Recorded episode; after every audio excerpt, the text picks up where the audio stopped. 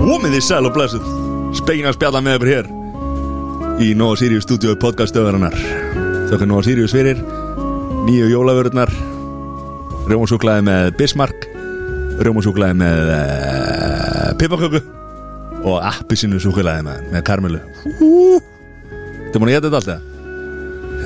Já Ég er að vesens, ég er að vesens með Pipaköku Ég fann með tvö svoleiðis í morgumat sko. Tvö morgumat Já, þetta er ekki maður 46 skrum Ég er með reglur sko. Ég er bara með, ég er með tvö fyrir átti Þrjú eftir átti Já, það er fimm á dag Fimm á dag. Herri, við erum jafnframt í, í búið light. Good light. Good light. Oh. Í Skálum í honum. Skálum í honum Mattias, hvað akkur er við að gera það? Við erum með kóngin og gullbylgjur það með okkur. Og svo erum við eitthvað að reyna að þykjast eitthvað að vera með okkar litla Að Þetta er draumur okkar Þetta er aðdunum hans. Já. Herri, það er Páll Sævar Guðjónsson. Vertu velkomin Þáttum við tvö. Takk fyrir kærlega. Já, á sama árinu. Já, ha, það er eh, síðast í janúar Þáttur sem kom í uh, Hvernig hann kom? 21. janúar. Þá vorum við með Þá vorum við með vorum við að tala um þig og, og tala síðan um píluna. Mm. þá var pílan búin. Já, nú ákvaðum við að ha, taka forskot á sæluna. Og ef við misminir ekki Þá vorum við að tala um að við ætlum að setja píluspjaldina fram í ég sá ekki spjald sko þegar ég kom. Nei, það, við sögðum að það er því komið þegar hún kemur aftur en Já. hérna, það er að verða ásíðan Ég sá fullt af ykkur öðru sko en Já, já. hérna, svona er þetta bara. Já, já, þetta Við erum með, er sko, við erum með hérna, drikkjaföngin til að ástunda pílu En við erum einhvern veginn að gleyma alltaf píluspjaldinu sko. Já, það þarf að setja þetta að raða þessu rétt upp. Já, Hafa að forgangsröðun og hrein. Það er svolítið eins og að sko, byrja á millivegjónu sko, áður og gera grunnur á húsið sko, útveikina Býði, hvað voða yðnaði maður ertu? Já, Þú að brjóta smáina her, baðherbygginu henni gerð sko. Nei, þá, á hann Nú veit ég að þetta er bara þetta er bara ein borvél og eitt slípur okkur og þá ertu bara yðnaða maður Það er bara svolítið Og eitt skrúið Já. Farða að kalla yðnaði mann Það er grúslegin Heyrðu, Palli, það þekkið allir sem uh, náttúrulega sem röddina mm -hmm. uh, lögðashöll og lögðasvöll uh, og, og náttúrulega á káarhellinum og svona mm -hmm. Hvar ef við byrjum bara á lögðasvelli hver er staðan á nýjum velli? Uh, ég held að hún sé bara eitthvað stær í skúfu hjá ykkur, ykkur, uh, ykkurum uh, hjá í borgarstjórninni eða, eða jafnvel hvergi bara, hreinlega Ég mjánaði með hérna Vignir, hvað, hvað, Vignir, nei, hvað heitir hann hérna? Járborg? Elliði Vignisson? Elliði, já. Ég vil ánæði með hann, hann sagði bara, herru, komum með þetta bara til mín. Já, já, Gerum bara að rísa völl þar Fyrir fótbolta, handbolta, körfbolta, allt rasti algjörlega. Akkur har þetta að vera hérna á lögutursvalli Ég segi það líka, þetta er, þetta er náttúrulega allir að tala með sér svo gott aðgengi. Já, það er náttúrulega liðin tíð. Þetta er náttúrulega þegar maður er búinn á landsleikjum þegar, þegar að, hérna, eru uh, níu, tíu manns á vellinum þá þarf ég alltaf að býði svona tvo tíma bara til að komast burtu á vellinum af því ég nenni ekki að fara í þessa röð sem að er að, að reyna að koma sér uh, heim, fólk eftir, eftir leikina. Alveg saman hvort það er höllin eða, eða lögatisvöllurinn þetta er, þetta er nefnilega ekki gott aðgengi þarna og það er allt einhvern veginn bara allt einhvern veginn kaos þegar, þegar að leikir eru búin sko.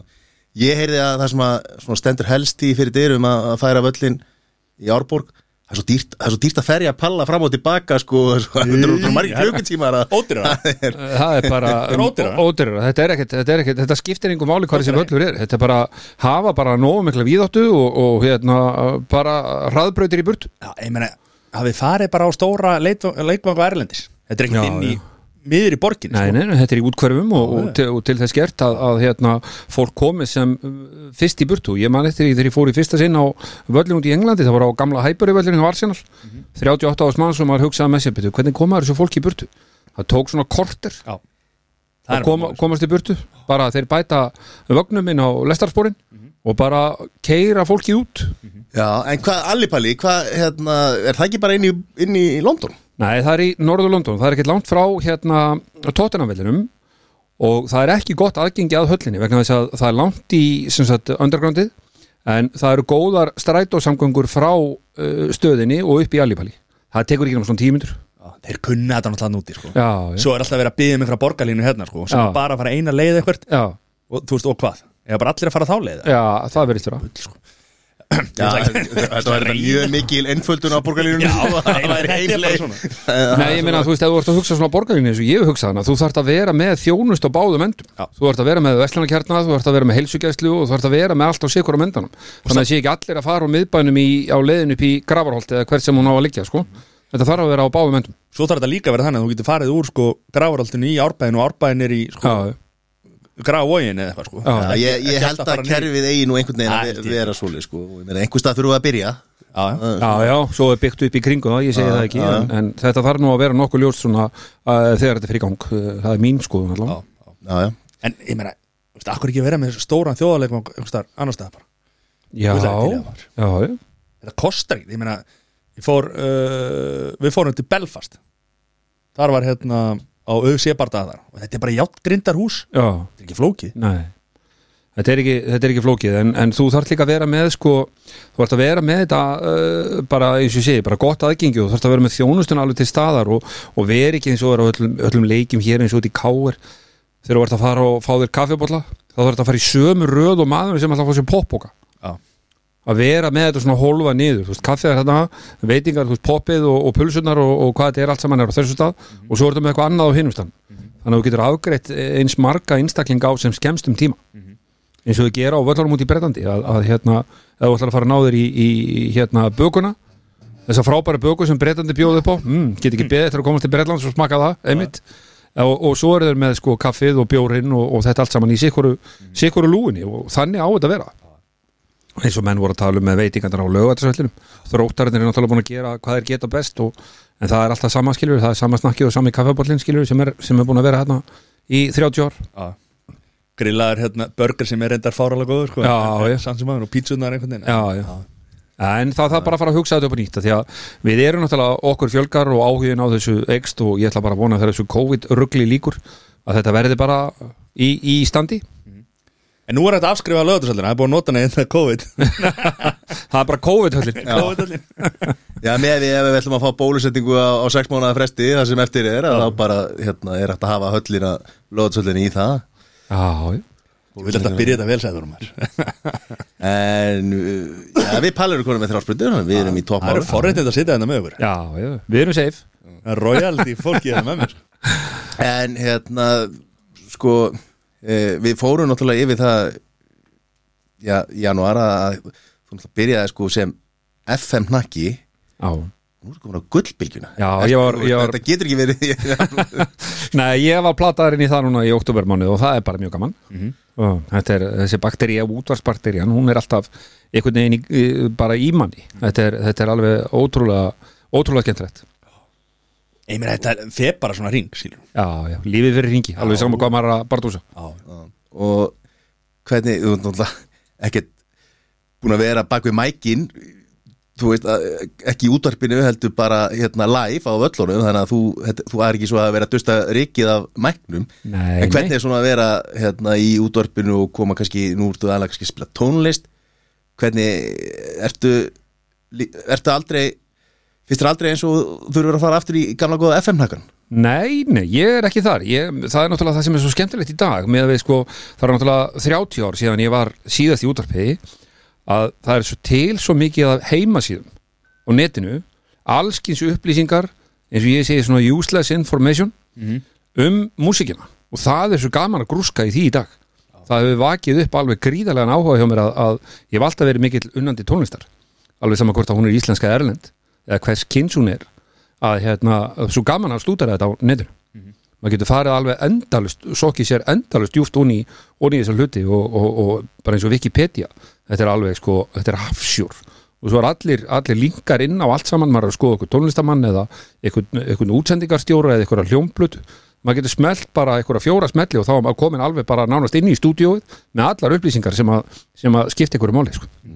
Varstu að deila þessu alltaf í Já, ég, ég kem með svona punktaskiljur þannig að hérna, ég skoða þetta mjög mikið og, og garfi þessu kvöldin þegar maður er heima í róleitum og umhverfið svolítið breytt frá því að þú varst í útvarpinu í gamla dag hvernig það var bara að vera að spila þessum plötum og hvernig þetta er núna bara allt í músasmellinum. Já, þetta er bara allt inn í, inn í, í, í tölvinu og bara inn í, inn í músinu og liklaborunu þetta er, þetta er ótrúlega tekni og hvað þetta er einfalt og þægilegt og skemmtilegt. Það er bara þannig En í gamla þetta, það var bara tímaritt og Já, ég meina þá voru þetta bara, þú veist, þá voru þetta bara tölfur, nei, hérna sé ég plötur og geisladiskar og, og þegar maður var að taka við af einhverjum þá, og þá var uh, kerfið þannig að ef þú varst að nota einhvern geisladisk þá, þá skildur hann eftir hálfan út úr stæðunni Já. svo að maðurinn sem kemur á eftir myndi ekki grípi hann líka Mhm. þannig að þegar þú varst að klára þá íttur þú inn þeim diskum sem þú varst ekki að nota Já. þannig að það var svona allskins, allskins svona kerfi, kerfi á því og svo var allar auglýsingar á sérstökum spólum, svona kartspólum og það var þurft að spóla þessu allu tilbaka aftur og, og koma þessu fyrir í rétta rekka og annað og, og það var svo miklu meiri aksjón, það var, það var svo mikið í gangi. Og þetta tók oft á og maður kannski glemdi sér í símónum og það voru kannski einhverjar tíu sekundur eftir að næsta lagi og þá greip maður bara eitthvað og spilaði það og, og það var ímislegt sem gerðist. Og svo voru geislaspilarnir geislarnir voru orðin skítuðir og það þurfti að reynsa þetta allt og, einhvern veginn stóðu spilarnir á sér og það, það var miklu, miklu skemmtilega, miklu meira fút í því nú er þetta bara skammar yttir ekki á næsta lag, bara, þú veist það er búið að setja þetta upp bara. Já, þetta er bara, þetta er bara, bara sett upp og það er ákveðin bara lagabálku eða svona lög sem er í gangi í, sem er í spilun og, og hérna og bara, þetta er svo einfalt sko. Þetta er, þetta er alveg ótrúlega einfalt og þægilegt. En þið vantilega hafið frjálsverið hendur á gullbylgjunni heldur en til dæmis bylgjunni og, og FN97 og svona sem Já, já. er alltaf að reyna að spila einhverja nýja tónlist og það var ákveða Þú veist, þið er að spila klassíkina, skilur við, þið er að spila gömlum góðu. Já, já, við erum að, við erum að gera það. Hann Bræði Guðmundsson er, er náttúrulega svona höfuð í þessu öllu saman og hann er rosalega áhuga saman og er ótrúlega fróður um, um tónlistina og við erum svona að, að, að skipulegja þetta allt saman og kafa hans dýbra í gömlu snillingana og, og spila kannski lög sem að hafa ekkert verið mikið í spilun og, og hérna, og það er alltaf hægt að gera betur í því og við erum bara að vinna í því og hlustun á, á stöðunni hefur stóru aukist bara frá því höst og, og, og það er bara því að það er verið að vinna í þessum málum og, og góðir hlutir gerast hægt en, en þetta lítur ljómandi vel út í, í augnablikinu allavega. En gólsumarið, maður að fara einhverja ringi Já, ég spilaði golf alveg eins og ég veit ekki hvað og, og fórgjöfum lækkaði um 4,8 þannig að ég er bara mjög ánæður lækkað um 4,8 Já, Það er nú Hvað ertu á í núna? ansi góður á. Ég er í 22 Sælis Sko, Mattias náði nú að spila einhverja átján ringi á, á, vik, á einhverja einstu viku. Hvað lakaði þú, Matti? Þetta er, þetta er hérna Sæþur félagi minn, þú þekkir hann kannski. Hann, sko, að því ég var búin að ákvaða fyrir sumari Ég ætlaði að taka gólfið fyrstum tökum Og ég stóð við það svona upp að vissu marki. Það var nú búin að vera svo lítill í sér Og, og að því að hann komst ekki í gól, sko. Já, Þannig að sjúpur, ég ég er enginn sem að hefur farið eins og eftir og þú Var að saka mig, sk- hérna Ég fór ekki eitrík Var að saka mig svindljarnum daginn, sko að Því að, hérna ertu í stölunum með það? Nei, það er bara máli Hann, hann kom í, "Ó, það er bara, menn ég held að þú er í stullurum Því að þú varst bara alltaf með rástíma. Já, já. Nei, nei, ég spilaði mjög mikið og ég held að ég hef ekki farið eitthvað hátt í 50 ringi Já, Skeldi mig til Svíþjóðar með vinnum mínum og spilum við þar í viku og í frábærum, frábærum öllum í Svíþjóð og í geggjöðu veðri og, og hérna bara, þetta var frábært golfsumar. Ok, gott að heyra Mattias, þú lækkaðir um hvað? Er um fjóra líka, fjóra koma eitthvað Já, Já, enda í, ég komst ekki undir 20 Æ, Enda í 20,1 með 2 minnar já. Ég ætlaði undir 20 Ég er í 24 fyrir ekki, ekki 22 Ég fór úr 28 8 Já. í 24 sleta Já. það er bara að skrási, ver, vera með stullónu þá fæði maður áttíma og Já, þá getur maður að spila. Þá getur maður að spila hvað sem er. Hvenær sem er. Lítla ruglið Og hvernig, af því að nú er ég bara að spyrja svona, af því nú mann maður ekki hvernig var, hvernig var veðri í sumar? Var gott eða ekki? Já, það var ekki á suðu vesturhóttinu en ég er náttúrulega bara að vinna sem uh, ræsir á, á Íslandsmótinu í golfi fyrir norðan. Og uh, var þar uh, frá miðugudegi til sunnudags í, í þeim verkefnum. Það var náttúrulega bara mæjorka veður á Akurir og ég fór úr því að ætlaði að vera í ykkur fjóra daga, fimm daga. Ég var í tíu daga, ég var svo heppin að vinur minn sem býr fyrir norðan, hann lánaði mér bara leiði mér að vera í sínu húsnæði var hann í herbergi og honum í, í, í rathúsi sem hann býr í ekkert langt frá golfvellunum og svo endaði bara með því að ég fór bara í golfin á Húsavík og Dalvík og Sigló og Akureyri og annað. Og þetta var alveg geggjað sko. Þetta er bara geggja að kynast landinu sinu líka svona. Já, já. Bara, Og, og þetta, þetta atriði með, með golfvellin á Siglufyrði er náttúrulega, þetta er bara frábær og falleg saga sko. Að Róbert skildi henda inn í þetta bara einhvernum 500 miljónum og allir bara glaðir sko Já, fór hann í gólföllin líka? Já. Er hann að byggja alltaf nög? já, já, hann gerði þetta allt saman. Já, ég hef ekki búin að heyra það. Og völlurinn flottur? Völlurinn er mjög flottur, þetta er nýjuhólu völlur og, og þeir get ekki gert neitt meira en það. Ég væri kannski hægt að bæta við einhverjum tveimur rutum en, en þetta er alveg frábær völlur. Ótrúlegt, eh, sko hann er náttúrulega sléttur, það er engar, eh, þetta er, hann er mjög góður á fótinn en hann er mjög svona mikil áskorun að spila hann að völl og, og ótrúlega flott hönnun á hann Það var alltaf Ég- planið okkur að fara, strákunum að fara í Siglufjörð þannig og taka hótelið og Já. taka hérna Já. ringa, taka einhverja tvo, þrjá ringi tvo, þrjá velli. Já. Svo einhvern veginn verður aldrei neitt úr þessu. Það er svo uppteknið einhvern veginn. Nei og svo er líka bara gaman að sjá sko að, að hérna, það er náttúrulega allir stæðstu vellinir eru hér náttúrulega á Suðu Vesturlandinu en það er svo gaman að sjá hvað, hvað er rosalega mikil áhugi og mikil, mikil svona elja og metnaður í starfi í gólklubum út á landi. Og sérstaklega hann í eigaferinum og það er í kring sko það er frábært. En hvernig stöndum við með sko það, það hefur verið COVID. Harður Franklín ætlaði að fara út og fara meira í atvinnumennskuna. Uh, við höfum heyrt minna af henni henni, hvað heitir hún Þórun hérna. Uh, Ólega hrönn. Ólafur Ólafur- Ó, já, Var Já, náttúrulega eignar spatt sko. Já, já. Já, en ég er að segja sko mér finnst eins og undanfæra það er náttúrulega verið náttúrulega allur heimurinn hefur verið náttúrulega þessi mót hafi verið færri og allt það en mér er- svona, finnst þess að með við gróskuna hér á landi úlingandi sem er að koma upp og efnilegir mm. uh, þá hefur verið minna af fréttum af atvinnumennum okkar ellendis er það bara ástandi í heiminum eða? Já, ég held að, ég held að, sé, held að það sé þannig en ég var einmitt að tala við hann Haug sem var að láta starfi hjá GSI, hann fyrir norðan hann er náttúrulega búin að vera, hann er formaður Euróska gólsambatsins og, og er að, búin að vera að vinna þar alveg ótrúlegt starf hann sagði mig frá því að, að hann hefði verið í Svíþjóð að fylgjast með unglingamótum þar og hann segir að það komi núna eftir ykkur nokkur ár 2, 5, 8 ár komið holskefla af sænskum kilvingum inn á mótaræðinar af því að unglingastarfið þar er svo magnað og vellirnir þar eru algjörlega á heimsklassa og það verður mjög gaman að fylgjast með því hvort að, hvort að það verði raunin. Þetta lítur mjög vel út hjá þeim svíunum, en svo er að spurningin hvort að fólk ná í gegn. En nú er aðstæðan í GKG búin að batna verulega með, með nýja ósunu erum við ekki líka að fara að sjá íslenska uh, börn og úlinga sem að hafa náð núna að vera á veturna í alvöru æfingasveið, golfhermarnir er alltaf orðið betri og við erum að díla við bara það er ekki að spila völlunum yfir stóran hluta ársins. Erum við ekki að fara að eignast fleiri úlinga sem að hafa náð að stunda íþróttina yfir lengra tímabil og hugsaðlega allt árið núna ég myndi, ég myndi halda það, það er fullt af flottum kilvingum sem er að, er að koma upp í gegnum unglingastörin í, í þessu stóru klubum og þeir einmitt hjá GKG, ég meina það eru Íslandsmeistaratilladir í kall og hvernaflokki eru þar. Og það er mjög gott starf sem þeir eru að gera með frábæra þjálfara. Og, og hérna Birgir Leifur er hérna og, og, og þannig að þetta er, þetta er þetta er mjög spennandi starf sem þeir eru að gera hann í GKG, alveg klárlega. Gallin alltaf er, hvað er þetta, fimm mánuður árið sem við getum spilað hérna úti Já, við höfum náttúrulega dagspyrtuna allan sólarhingin sko, en, en þetta eru náttúrulega ekki nema eins og segir, fimm mánuðir, en, en þú getur spilað í Svíþjóð, þú byrjar að spila þar í lók mars og uh, ert alveg inn í, já, út oktober, inn á, inn á uh, góðum völlum.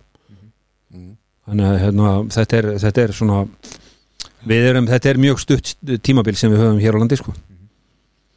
En það er svo það er Já, já, það er eins og það er, en, en erum að gera samt góða hluti og þetta er náttúrulega frábær árangur hjá þessum kilvingum, Haraldur Franklin og, Svo er háskólanir úti fólk Já, er já. Já, já. bandaríkja núna já, já. Já, orðið, orðið, orðið eh, keppnisgólf á, á mjög háum standard á, já, háum, háum stað hjá þessum fólki sko. Já, og við sjáum líka fyrir bara hinn almenna kilving að uh, nú er orðið rosalega margi staði sem bjóð upp á þessa golfherma og kom, var að spretta upp í Kóbói náttúrulega, er í Glæsibæ og það er á, á, orðið á, út á Granda held ég. Já, það eru komnir, ég var með að skoða það sérstaklega. Það er bara að opna þarna golfhöllin út á Granda sem eru 14 hermar, Eh, Nesklúburinn minn klúbur er að beita úr tveimur hörmum í 6 og, og svo eru annar svona, svona sjálfsafgreifstaður ég held að séu tveir eða fjórir hermar. Ég held að verði núna í byrjun árs þá eru 23 golfhermar bara vestur í bæ og út á Seldendanesi Já, Já, þannig að þið sjáu gróskuna, gróskuna sem er í þessu. Já, þannig að það geta allir farið og eftir sveifluna Já, já. Svona, þú veist, auðvitað gastu fara á æfingarsvæði og svona, eða miklu skemmtilega Já, að vera í hermi og svona sjá þetta meira svona að spila Þetta er náttúrulega samt ekki alveg að sama að vera í hermi og nei, vera en ég út af en það að Nei, gera eitthvað fyrir en, sveifluna en það er alveg klárt mál. Þegar maður er í herminum yfir vetartíman að ég er nú búin að missa á nokkrum tímum með félögum mínum að því ég er búin að vera svona slæmur í bakinu en, en það horfir nú til betri vegar en, en það skila sér. Þegar maður er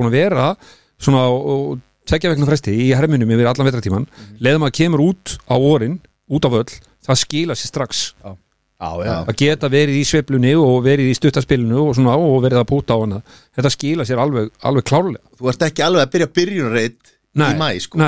og pluss það, þú veist, það er að segja jú, þú hefði ekki að fara á æfingarsvæði, það er ekki það sama að vera í, í kuldagallanum að sláa út á snjóin sko á, einhver, veist, á hérna á básum sko. Nei, ég, þú, þú ert ekki sko, þú, þú, þú kemur út á, á vorin þú, þá ertu búin að vera bara í léttum fatnað inni og, og þurfi ekki að vera eins og segir í básum í sko dúnúlpum með, með lúfur og, og húfu og trefil og, og í einhverjum bara nánast í kraftgallanum sko.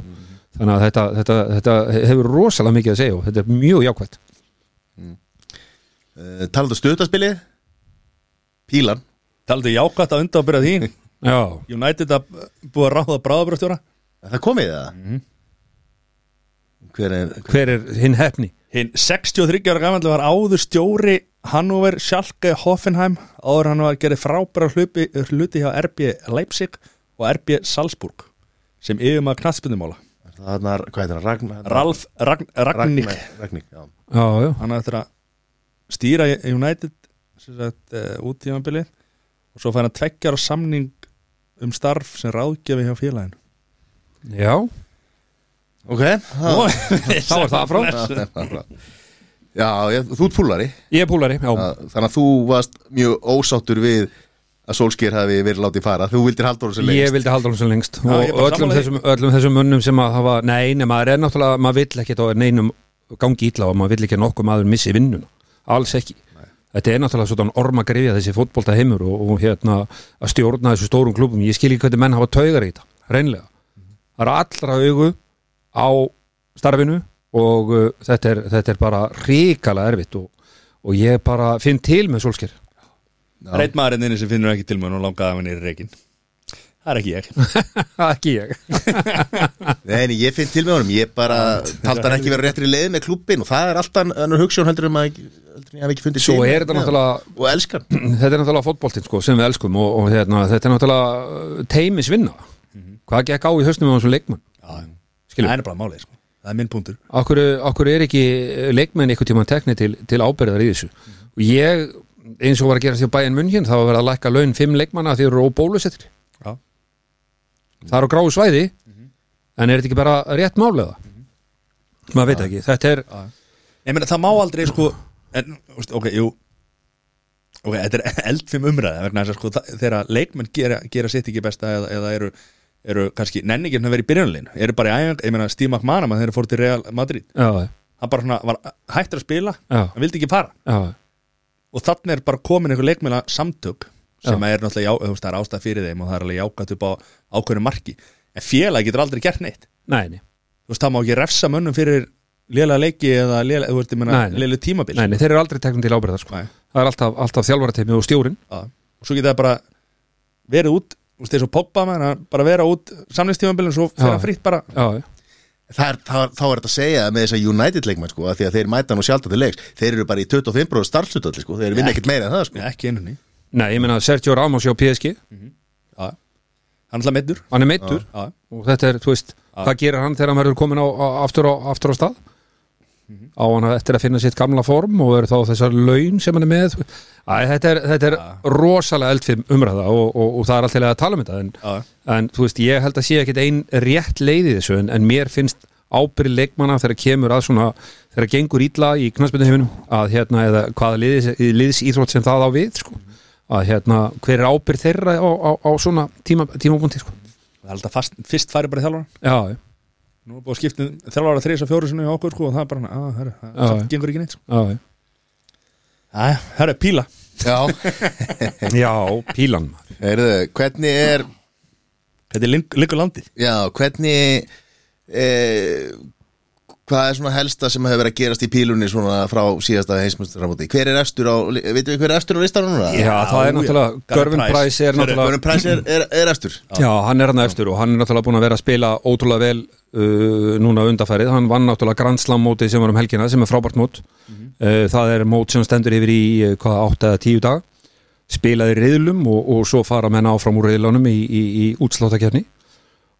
uh, það kom óvart að Johnny Clayton sem að hefur vann nú ensku, eða vann úrvalstildina hann spila frábælega að hann skildi ekki hafa farið alla leið en það eru samt kynnslóðaskipti sem er að eiga sér stað í þessu að því að Johnny Clayton er farin að vinna þetta mót og, og uh, það er svona v- skemmtilegt að, að fá þessa, þessa ungu stráka sem er, er að koma að inn eins og, eins og Michael Smith sem að gerði ágætis hluti sem hefur nú átt erfitt uppdráttar undarfæran ár að uh, svo eru þessir hákallar eins og Michael van Görvin hann hefur ekki verið að finna sig. Nei, það er aðteglisvert sko. Er hann búin að skipta aftur um pílur? Skipta hann ekki um pílur? Nei, nei, hann, jú, jú, hann er á samning hjá Vinnmá Já. sem er stæðstu, svona einn af stæðstu pílu framleiðendum í Já, heiminum. var ekki fón Gervin sem að, sem að skipta um pílur á síðasta heimsmessamóti rétt fyrir það? Jú, og var, vildi eitthvað fara tilbaka Já, var já. eitthvað í, í vandræða með pílunar Já, ég var í vandræðum, hann gæti ekki notað hérna vinnmópílunar þannig að hann notaði áfram Max Q sem hann hafði notað undan farin fjögur ár þannig að hérna, það gekk ekkert með þeim og hann hefur búin að vera að nota þær núna undanfæri þannig að hann er í svona limbói með þetta. Peter Wright sem var hinsmistari maður með Hanagampin, hann er líka búin að vera í vandræðum, hann hefur verið að skipta um pílur í bara miðjum leikjum.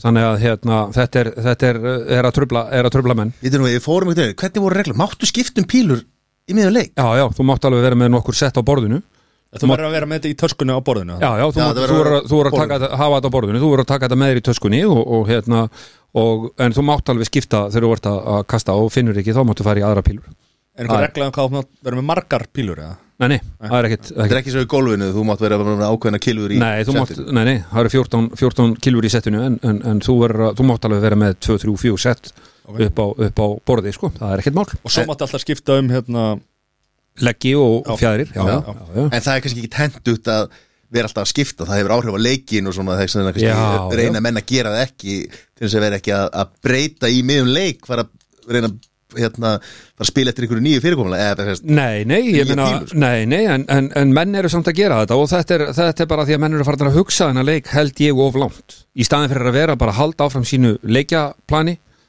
og uh, svo lendur í ykkur, ykkur vesinni, í ykkur kostum, þú ert ekki að hitta þreiföldur reytina, að þá fara menn að skipta og þetta er, þetta er, þetta er furðulegt að menn skuli gera þetta en, en svona er, er hausin á mönnum erfiður stundum. Það er ekki hérna vest, vesti óvinniðin Jú, jú, það er eins í þessu eins og golfinu. Það er mjög mikið líkindi í, í, í sportinu með, með þú ert einn, þú ert með ákveðin verkfæri og þú verður bara að treysta á þessi verkfæri. Svo fara menn að hugsa á hverju fótboltinn hérna, á hverju fyrir þetta kast svona, þá fara menn að velta þessu fyrir sér og þá missa menn, vil ég meina oft á tíðum hausinn. Þetta eh, var það granslamóti sem að hún Sherrock var að Já, svolítið að já, já, það var á já, Fallon Sherrock komst í 8 mann úrslit og vann aftur Mensjur Sulovits í 16 mann úrslitum sem hann vann á heimsvistaramótin í Alipalli og uh, hann var orðin brjálaður. Já, Já, hann var orðin svo pyrraður að það var alveg ótrúlega gaman að sjá það en hvað hún Fallon Sherrock náði að halda bara hausnum í lagi og fari gegnum þetta og stóð sér alveg ótrúlega vel. Og mætti svo Peter Wright í 8 mann úrslitum og tapaði þar. Hún er 27 ára. Já, hún 27 ára. Ma maður heldur svolítið með henni á heimsmyndarótinu núna. Algjörlega, ég menna það er allir það er, ég er á þeirri skoðun að ef að menn að ná góðum árangur á þessu móti þá þurfa menn að fara í gegnum Fallon Sherrock. Vegna þess að hún er, henni hefur farið svo rosalega fram bara frá því í Ali Pali á síðast ári að, að hérna, að sjá stílinn hennar og sjá hvað hún er einbeitt og hvað hún er hóvær og það er einmitt það sem ég hef alltaf talað um þegar menn er að kasta að vertu ekki að sína neina líkamstjáningu. Í, ef þú ert óanaður farðu þá aftur fyrir leikmannin ekki vera að sína ykkur líkamstjáningu þegar þú ert búin að taka pílunar úr spjaldinu og ert að labba aftur fyrir anstæðingin gerðu þetta freka fyrir aftanan þannig að þú, hann sjá ekki þannig að hann get ekki verið að lesa í þig. Akkurat. Já.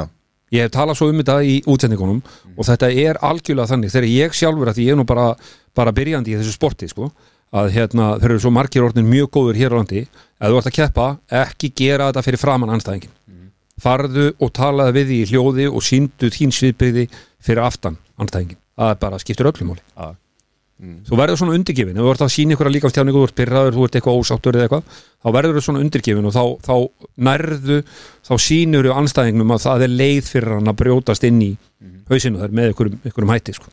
Þetta er bara póker líka. Þetta er bara póker.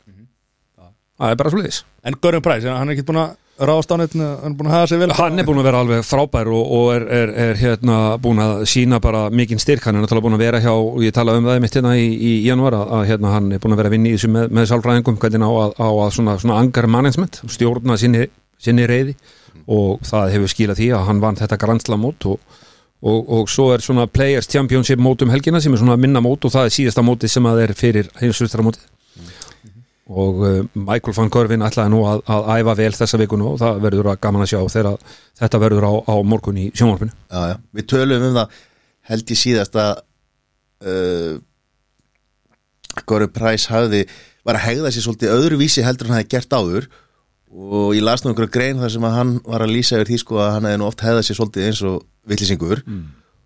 og fengi svolítið svona, hann var svolítið að fá út úr því að hafa fólki á móti sér og var eitthvað svona fá eitthvað svona kraft á því mm. þángar til að þetta var að fara að hafa áhrif á stelparna segja strákurina sko, sem var farin að fá hattuspósta á internetinu og eitthvað svona. Emi, emi. til að hann átta þessu að því bara nú, nú þarf ég bara að fara að breyta minni hegðun og og fara að vera meiri bara sjentilmenni og, Já, og hegða mig betur gangvart anstæknum og, og hætti að vera fáiði sko. Já, algjörlega. Og það er bara er að skilja honum þessum, þessum titlum og hann var ótrúlega góður í, í, í leiknum gegn, eh, gegn hérna, Peter Wright sem hann sigraði í, á Grandslamótunu núna en um daginn.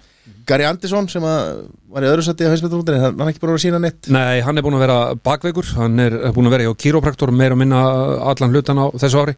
Og uh, bara hefur ekki verið að finna sig. Þó svo hann sé búin að jafna sig í bakinu síðan kvanti nýjustu fréttum sem ég komst yfir. En það væri rosalega gaman að sjá hann koma sterkan inn á HM En þeir eru svona leikmann eins og mig sko, hvað er hérna Pílan, bakið skiptir þetta öllu máli? Þetta skiptir öllu máli. Þetta, þetta, þetta skiptir svo miklu máli að vera í góðu jafnvægi þú ert að kasta að, að hérna, vera með allt í standi. Þú ert að vera góður í, í löpunum þú ert að vera góður í bakinu að því að þetta tekur meira á en, en fólk heldur. Og tala nú ekki um þau með allan, allan skrílin í salun þess að 3800 manns öskrandi og, og trarandi og, og hérna þetta, þú, þú verður bara að vera í 100% standi mm. það er ekkert engin afsláttur af því mm. Nei, nei og líka, ég meina, þú veist að vera alveg baki þarf alveg að vera 100% tryggt sko, bara til þess, minnsta reyfing í bakinu Já, og því stabil í bakinu þá, þá, þá bara fer kastið úr skorðum það er bara þannig Þetta eru millimetrar Alltaf verið millimetrar og, og það er bara verður þannig, alltaf mm -hmm. Hvernig byrjar heimsmyndstarúði? 15. desember, 15. þá byrjar mótið 96 mann úslitt mm -hmm. og uh, alltaf uh, fyrsti leikur, uh, síðasti leikur á fyrsta kvöldinu þá kemur heimsmyndstarinn upp á svið. Já. 30 efstu menn á listanu hjá PTC fara beint inn í 64 mann úsliðin þannig að þeir raða bestu mönnunum upp inn í þessar viðregnir þannig að síðasti leikurinn á fyrsta kvöldinu er með heimsmyndstarannum og hvernig hann fær það er ekki komið í ljós en þó þannig að Görvin Price verður í, í hérna á sviðinu á fyrsta kvöldinu. Svo komaður inn, bara Peter Wright kemur svo inn í leika á, á næsta á eftir. Og uh, þeir spila það er náttúrulega spila sko fyrsta 15. desember byrjar útsendingin klukkan 7 og svo er útsending tvær útsendingar uh, fram á jólum í 96 mann útlunum Þannig ef, ef allt fyrir skrúuna já. þá getur heimsmyndstarinn dott út af fyrsta deg Já, já, það getur alveg gerst. Hefur það gerst það? Nei, það hefur ekki gerst Þannig að hérna En það komur náttúrulega ekki þeir bestu Þetta eru aðeins lagari Já, þetta eru, sem sagt, þeir eru að spila sko, sem sagt, uh, þetta eru 96 keppendur mm. og það eru sem sagt, þessir 30 efstu, þeir sita hjá í fyrstu umferni og svo eru náttúrulega keppendunir sem eru hérna 96 og neðar að þeir eru úr uh, sem sagt, frá, hafa komist í gegnum þessi PTC turm, uh, sem sagt, mót sem eru þá inn í Asjú, inn í Evrópa og inn í Baltiklöndunum mm. Skandinavíu og annað, þannig að það er, það er mjög, mjög skemmtilegt Ég er ánað með þetta fyrirkomunar þetta er svona að setja pressu líka Já, já, svo er þetta líka sko að þetta er menn eru sítaðir eins og, eins og sagt er í píluheiminum að það er eiginlega sko verið að tryggja það að þessi bestu komist sem lengst. Mm -hmm. og sem að mér finnst bara eðlilegt að því að það fá allir tækifæri til þess að þú þarfst að fá þetta túrkart mm -hmm. frá PTC til þess að taka þátt í þessum mótum í Asi og í Európu og, og Skandinavíu. Og það verið mitt mót haldi hér á Búlsæ í þessari mótaröðu og þeir voru hérna nokkri keppendur sem að verða á, á stóra sviðin í Alipalli Darius Labanáskas eh, Marko Kanteli eh, Matas Rasma Daniel Larsson, Sví, mjög góður. Þeir voru allir hérna í búlsæði og ég hitti á og var að spjalla við þá. Og ætlaði nú að taka viðtal við þá en, en fekk ekki tækifæri til þess. Er, er það komið að reynda að verður stöðusport með heimsmestramóti? Já, stöðusport verður með heimsmestramóti núna í eh, síðasta sinn að því að Viaplay er búið að kaupa réttin þeir fengu að halda réttinum. Uh, stöðtjórnsport uh, þetta tímabilið en, en verður ekki á, á næsta ári á, á stöðtjórnsport heldur við að play verður, verður með það. Þú vantalega Lísa, gerir á fyrir? Ég lýsi mótur núna á stöðu sport, já, já, já, og svo náttúrulega gerum við ráð fyrir því að þú verður að lýsa fyrir Viaplay að já, já, ég veit ekki, það bara kemur bara í ljós, það verður bara, verður bara Eitt ári einu, slaka eitt, já, já, tökum eitt, tökum eitt skrif í einu. Ég kom inn til þess að ræða mótið 22 Já, já, það er einmitt breytandi að segja að þetta sé hins vegar múl 2022 sem er að hefjast núna. Já, af því að byggarinn fer á loft. 22. Sitt Vattel byggarinn fer á loft 3. janúar. Þá er úrslutukvöldi uh, í fyrra þá var náttúrulega takmarkaður eh, fjöldi áhörunda Já, það voru áhörundur á borðum fyrsta kvöldi svo voru ekki áhörundur meir. Já. Út af COVID og við svo vantarlega í janúar ég heldur gaman desember á næsta ári þá er allt komið í lamaður, ekkert COVID og allir hressir og það verður geggjur stemning Já, já, en Bretland hefur nú fótballtaleikvangar eru fullir og svona þannig að Já, já. það má kannski ekki ráð fyrir því að það verður opið en það er náttúrulega reyndar hugsalega opni leikvangar Þeir verða með þetta opið þarna sko. verður op, það Alipalli er uppselt á móti sko Það er á Það er móti. allir með að farnir sko Já.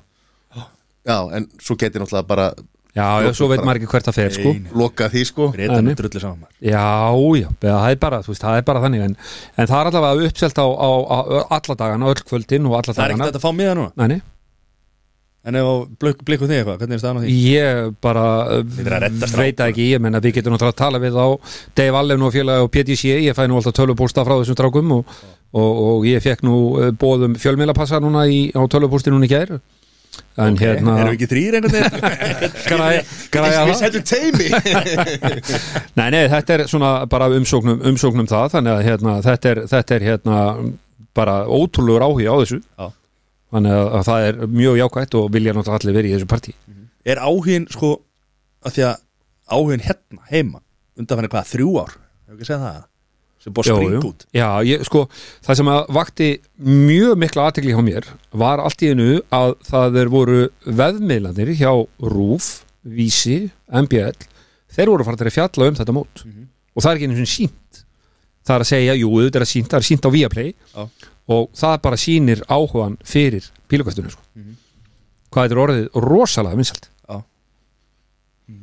já, já, og bara En, Þú veist, hvað, hva, er, meina, er, er þetta ekki búið að vera svona vinsalt út í Jú, jú, þetta er, þetta er búið að vera Er alltaf verið fullt alltaf, á alltaf verið fullt á, á þegar náttúrulega þeir fóru uh, í Alipalli 2008 og það var bara sprenging Mhm. og uh, það eru menn hérna heima sem að bara Hjörvar Hafliða sem er Viaplay hann hefur hort á þetta síðastlinn 15 ár Mhm. Já. honum finnst þetta skemmtilegast sjónasefni sem hann getur hort á Mhm. og tímasetningin á þessu bara yfir jól og áramót þegar, fólk er svona, ykkur er í fríum og, og ykkur er svona lausir við vinnu og annað að menn hreinlega sogast inn í þetta Nei, ég meina, mamma fór að horfa á þetta síðust, síðust desemberi fyrra sko. Hún lega, Já. ég skil ekki alveg hvað, þetta- hvað þetta þýr hérna. Ég var eitthvað að reyna að útskýra það fyrir hún og svo bara, svo bara hérna, byrjum bara að horfa á alla leiki sko. Veist, Já, þetta og fólk bara gleymi sér þetta er veist, er sjóhansvænt sko já, hún hérna er bara Gríðarlega spennandi sko. Já, bara af því að þetta er líka bara- það er alltaf aksjón og leikinni klárast, já, já. já. Þetta bara gerist 1, 2 og 3 sko. Og svo er náttúrulega fyrirkomulagið á þessu móti er svo skemmtilegt að vera að spila þetta í leggjum og svo settum. Já. Þannig að þú þurft að vinna þrjá leggji til að vinna eitt sett og til að vinna fyrstu til að komast í, í hérna áfram í, í úr 96 mann úrslitunum þarf það að vinna tvö sett Þannig að það er alltaf ykkur möguleiki fyrir menn að koma tilbaka Þetta er bara, veist, eins og segir, þetta er sjónvarsend og horfa allir á þetta og svo náttúrulega geggjaður hann að gæðina mæknum. Bray The Voice of England Hann er rosal Hann er svakalegur sko. Hvernig geta þessi gæði verið að fljóta að reikna samt? Hvað er það? Þeir eru náttúrulega búin að vera svo lengi í þessu Þetta er bara inn í haustum að Þetta eru bara, þeir sjá þessa pílu bara í spjaldinu og þeir vita bara 134, 171 eða, eða 180 eða hvernig þetta er sko Þetta er bara einhvern veginn Þetta, þetta, er, þetta eru bara svo vélmenni. Já. og svo finnst mér svo gaman að fylgjast með ríturunum sem eru við uh, sikkur megin við spjöldin sko. Að þeir eru með fláa 45 gráðu fláa á spjaldinu sem eru að skrifa á. Svo keppundum sjáu vel á þetta.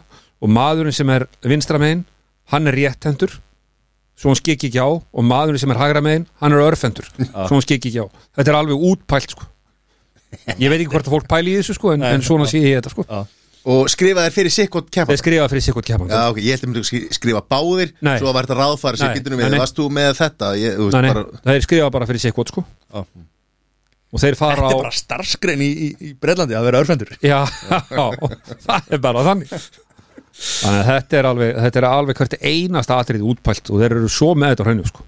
Svo er líka geggja sjó kamerunar Suma inn á réttu reytina Já, ég bara skil ekki hvernig, er- hvernig er ná því einmitt sko, en ég spurði, spurði nú að því hvernig, hvernig þeir gera þetta, þá eru þeir með e, þessi strákar sem er í kringum þetta Wayne Martle og, og John Part og Mark Webster sem eru uh, hérna e, kynnar eða eru lýsendur þarna úti og eru gera þetta algjörlega uh, Stuart Pikes og fleiri sem eru algjörlega óafinnalegir í þessu þá fara þeir, þeir eru ekki í útsendinguna lýsa, þá eru þeir baksviðs og eru að hjálpa kvikmyndutökumönunum skiptið þarna, skiptið þarna til að vera með reytina á hreinu Já, já Já, af því þeir, hugsa, þeir, þeir, hugsa, þeir hugsa leikinn Já, hvað þart að fá Já. og hvernig reyna fyrirfram að ákveða hva, Já. hva, hvar myndalna á að vera Já. með við hvar leikmaðurinn ætlar að kasta, kasta. En svo er náttúrulega er, er eins og maður segir, tæknin í dag það er tölfræði yfir öllu leikmunum hvað er, eru vanir að gera, hvað Já, þeirra góð er að gera sko, já, svo, já, svo vítaspytun hjá fótboltamönnum og svona þeir, akkurat sko.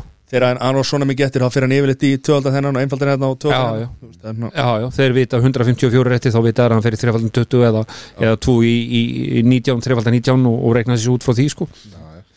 En svo skulum við ekki, sko, þú varst að nefna þannig að fullta góðun öfnum Þú átt nú frábæra frasa eins og heimsókn og svona. Já, já. Það er náttúrulega sko ég, eh, þegar útsendingin er í gangi þá er ég með ennsku þulun í eirunum og ég pikka þetta allt saman upp og þetta kemur bara þaðan it was a good visit. Herri, við klippum þetta út, sko.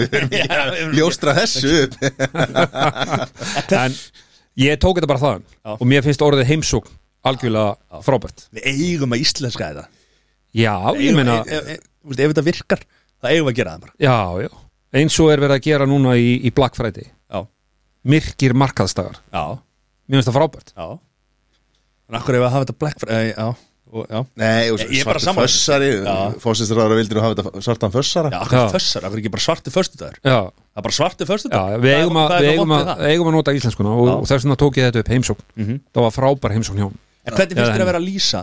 Nú ertu bara, hvað ertu með eitt, tvo skjái eða eitthvað fyrir fram að þig? Já, ég er bara með tvo skjái bara. Já, þú ert með enska lýsendur í eirónum Já. og ert að lýsa sjálfur. Hvernig finnst þér að, þú veist, Ég bara, einhvern veginn, þetta einhvern veginn kom bara til mín frá því ég bara fór í fyrstu útsendinguna. Já. Svo er ég með eh, Excel-skjál Ég er búin að búa mig til Excel-skjál sem ég er nú svona alltaf að mastera meira og meira til þess að geta verið með meðaltalið. Mér finnst það því að, að ég er svona tölfræði nörda því að mikill körubolt áhuga maður mikill tölfræði þar og mikill tölfræði í golfinu og, og hérna og svo er náttúrulega allt í tölfræðin í, í pílunni þannig að ég er svona aðeins að mastera þetta Excel-skjál og, og fylgjast með Ertu að horfa á, sko gamla tölfræð Ekki, ertu að- ertu að pikka inn Ég líka pekinn skorið bara leðuðu skora sko. Já, þú ert að gera það líka Já, til þess að geta séð að, að, að ef að menn er að skora 180 þá get ég séð það nákvæmlega hvað eru að gera það oft sko. hvað er þetta rugglaður það? Já, þetta, þetta snýst um það, miðla upplýsingum. Nei, þetta er svo einfalt Ég meina, eh, pílukast eru bara tölur Excel-skjál eru bara tölur. Já, en sko, þú ert, þú ert á liklaborinu Já, já. Þú ert að hlusta á eitthvað, þú ert að lýsa eitthvað og ert að Já, horfa. Og horfa. Já, Þetta er litla múltitarskina já Þetta þetta er er bara sneik í símanum í leiðinu Já, Pacman Nei, nei, þetta er, þetta er bara þetta er svo gaman að stúdara þetta svona og, og, hérna, og, og sjá líka bara til dæmis meðaltali hvernig það hefur verið að hækka hjá þessum leikmunum að, að Michael van Gorvin var í 115 á hverjar þrjár pílur. Á, á kassumótinu Granslam um helgina. Setti nýtt met sko. Þannig að þetta er, það er sko maður skilur ekki hvernig, hvernig þessir einstakleikar geta alltaf verið að bæta sig í þessum meðaltölum að sko, þú ert, ef, það segir okkur það ef þú ert í 95 96 í Alipali þá ertu bara ekki á góðum stað. Og það eru galnar tölur. Að skora 96 stig 95 stig á hverja þrjár pílur er alveg galið. Bestu leikmenn hér á land eru 75-80 þannig að við sjáum að við erum langt í land. Það var, ég ætla, það var næsta spurning sko. Hvernig mm. við Íslendinga Já. það? er, það er svolítið í það en ég trúi og treysti að það gerist. Já, voru við ekki með einhvern ungan og grindaðik sem að Jú, þeir þeir hérna uh, Alexander Þorvaldsson og, og, og uh, hérna, hérna strákur hans Pétur Rúrik sem er algjörlega stólu úr mér uh, í ögnumleikinu Alex Máni. Alex Máni, þeir þeir eru mjög frambærilegur og þeir eru að spila úti núna í Greiklandi á uh, móti yngri átjánara og það hefur svona gengið alveg þokkalega hjá þeim, ég glemdi nú að tjekka á þeim í dag hvernig, á þeirni komið inn, hvernig, hvernig það hefur gengið sko. Þannig að jú, jú, þeir eru, þeir eru mjög framparlegir og, og, og ég vona að þeir nái, nái inn, en svo er það svo í pílukastunum að bestu leikmyndir, þeir eru í kringum 50 Við sjáum það, Michael van Korvin er uh, 9 30 uh, Johnny Clayton sem er búin að vera bestur á þessu ári, hann er 47 ára. Peter Wright er 50 og hvað, eins tvekja og svo náttúrulega sem að Hann sæþór á séns svo, náttúrulega sem Leggja að litla lögfræði puttana á hillina og fara í hvað hérna, hva heitir hann sem að vann þetta, hvað, hefur unnið þetta hvað, 15-20 sinni? 16 sinnum, Phil Taylor. Já, Já, já. Hann er uh, nálgast 60 En hann er náttúrulega hættur núna. Já, er hann ekki þá bara að lýsa eða, Nei, hann hefur verið að taka þátt í einhverjum mótum og einhverjum svona sýningum með Target sem eru pílur sem að eru, eru mjög vinsælar í dag já, hann, hann er samt ennþá í bransan Já, hann er í bransanum já. Já. Hvað var ekki, var hann ekki góð lýsandi hérna, búin að vinna þetta 16 sinnum og Jú, ég myndi halda það.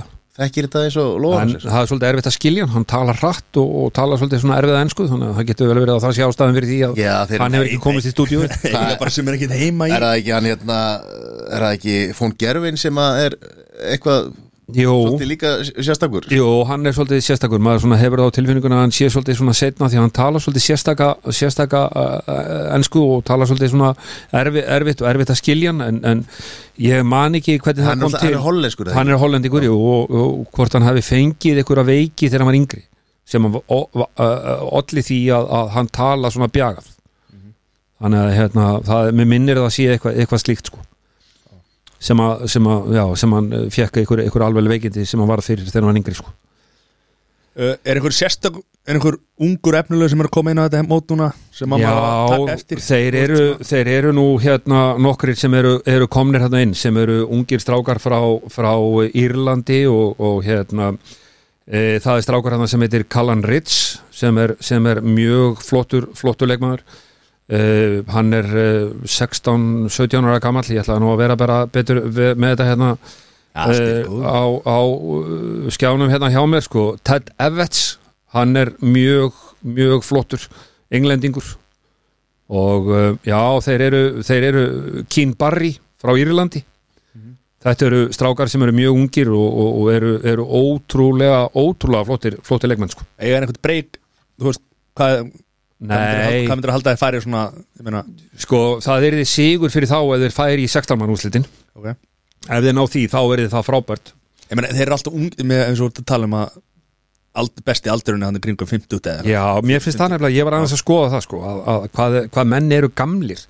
Er það þá ekki bara reynslan og ég meina Jú, þú ert jú. 17 ára að kóðin hann upp á móti Peter Wright og hann er með hannakamp og þú er bara, er, ég er bara mann heim sko. Já, já Ég Það ég er- get ekki verið hérna sko. Það er nefnilega málið sko, það er virðingin kakvart og þessi reynsla sem, að- sem að skila svo rosalega miklu sko. Og ég meina að við skoðum listan yfir, yfir þessa menn sem eru, sem eru efstir á, ég meina þetta er það var einmitt haft á orði varðandi Görvin Price að, að hann hættir í rúbi 2014 og hann er orðin heimsmyndstari sex árum setna í pílukasti. Og það er ótrúlega skjótur árangur í þessar íþrótt uh, Það er alltaf atvinnumennskan og, og uppeldið í Já, já, hann hefur náttúrulega íþrótt á uppeldið sko, sem, að, sem að er þarna nú svo er náttúrulega Peter Wright, hann er í öðru seti á listanum, maður er með hannakampin svo eru þetta menn í, í fymta seti eins og James Wade bifjölavirkin sem er, er uh, hérna ótrúlega, ótrúlega góður en aldrei, aldrei náði gegn, aldrei náði að verða heimsmestari hann hefur komist í úslit tvisvarsinnum uh, svo eru við náttúrulega með hérna Gary Anderson Johnny Clayton sem er 47 ára sem er í, er í er hann á listanum. Nú svo eru Rob Cross náttúrulega þegar hann sem var heimsmestari hvað 2018 í fyrsta sinn á HM hann hefur ekki náða að fylgja því almennlega eftir. Þannig að hérna en hann er búin að vera að kasta mjög vel undarfærið og, og, og vonandi að hann nái, nái langt, á, langt á þessu móti og svo eru þeir hérna ungir strákar eins og Stephen Bounting sem er ótrúlega gaman að fylgjast með. Mjög sérkennilegan stíl, stendur alveg lengst til hægri við spjaldið. Það er svona eins og hann sé að lengja kastlínuna því hann er svo langt til hliðar sko. Já. en ótrúlega hraður og flottur leikmaður og stöður búin að vera undarfærið og þetta eru strákar sem að ég vil meina eiga eftir að, eiga eftir að ná, ná langt, á, á mótinu. Eru fleiri konur heldur hún hérna Sherrock. þær eru þrjár, Damon Hetta, Lisa Aston og Fallon Sherrock. Þær eru þrjár stelpunar á, á, á mótinu í ár.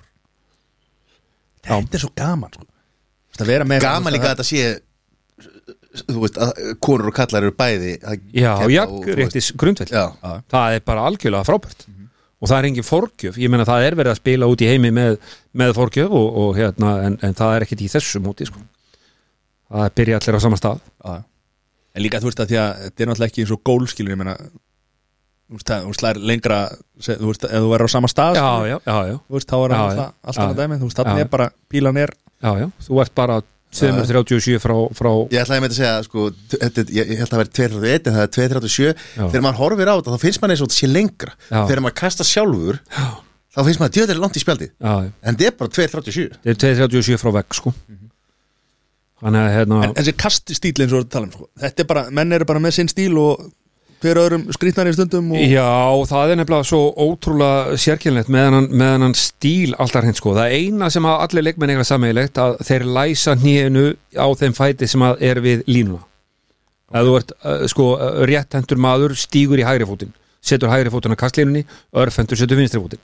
Eina sem þessi leikmenn eiga er að læsa nýjunu.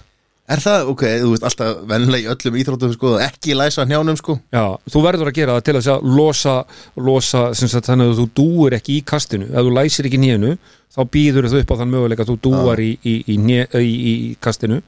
Og svo skiptir það miklu máli að vera eins beinn í baki og hægt er. Og svo er þetta náttúrulega bara olbóin bara 90 gráður. Og mikilvægast að því öllu er að fylgja kastinu í gegn. Í golfinu, slá í gegn í kauruboltanum, fylgja skotun eftir. Það Þú er veit svo það er gott að þú sagt okkur þetta og fórum í einhverja partypílum daginn. Ég var að bánsa þetta alveg. Þegar að segja 90 að þeir fara ekki aftar en Já, vera, vera, með, vera með 90 gráðunar sko, vera alveg með sko, upphandlegin hérna. Já, og fram að olbúa að vera í 90 gráðunum að reyna, reyna ná því og, og reyfingin er bara þar. Að reyfa ekki upphandlegin Já. Og menn geta verið að ef þeir eru að horfa bara sjónvarp og menn sem er að kasta pílu og þú getur tekið þessi æfingu bara með því að meðan þú ert að horfa frétnar og meðan að Bói Ágússon er að segja okkur allan sannleikan sko Hver er bói? Já, það er spurning. Þarna kom og Ég horfði bara stuð tvö sko. Nei, þetta eru, þetta eru atriðin í þessu og, og þess vegna finnst mér svo skrítið því ég sjálfur er að vinna í mínum stíl að því ég misti bara algjörlega einhvern veginn taktin núna í, í hausteri fór að byrja að kasta aftur. Og ég er aðeins að rétt, ég átti það til að halla mér aðeins fram Já. og ég er rétt aðeins meir úr bakinu þannig að ég er að sjá aðeins meiri árangur. Og þess vegna finnst mér kastillin hjá Michael van Görvin svo skrítin að því að hann beigir sér svo langt fram hann er hallað sér kannski svona 20-30 gráður fram í spjaldi sko. þetta, er, þetta er mjög skrítið og ég fylgdist mjög vel með þessu á, á mótunum helgina grandslamótinu og þeir sem að standa hvað uh, réttastir þeir, þeir ná mestum í þessu þetta er, þetta, er svo, þetta er svo skrítið en svo er kastillin bara svo mismjöndi sko. Og hvernig maður heldur á pílunni, vantala já, já, hvernig hún heldur, heldur á henni svo er náttúrulega þingdirnar, hvað hendar mann í því sko. þannig að hérna svo sá maður einhvern tímann uh, fréttum, eða svona las ég mig til um það að þegar að pílan, þú vilt náttúrulega hún lendi 90 gráður bara myndi bara 90 gráður hot, þannig að þú horfir á eftir henni endilangri, þú vilt ekki að hún halli upp eða halli niður til þess að loka ekki reytunum skiljið hvað er að Já, fara? Já, þegar hún lendir í spjald þegar hún lendir í Já, spjaldinu. Já, já og einhvern tímann þegar menn er að finna út úr því hvaða pílur þeir að nota varandi þingdina ef að pílan er að ef hún, ef hún hallar aðeins upp í spjaldi það er að segja að otturinn lendir í og endin vísi upp þá ertu með of létta pílu. Ef að otturinn lendir í og hann lafi niður þá ertu með of fasta pílu.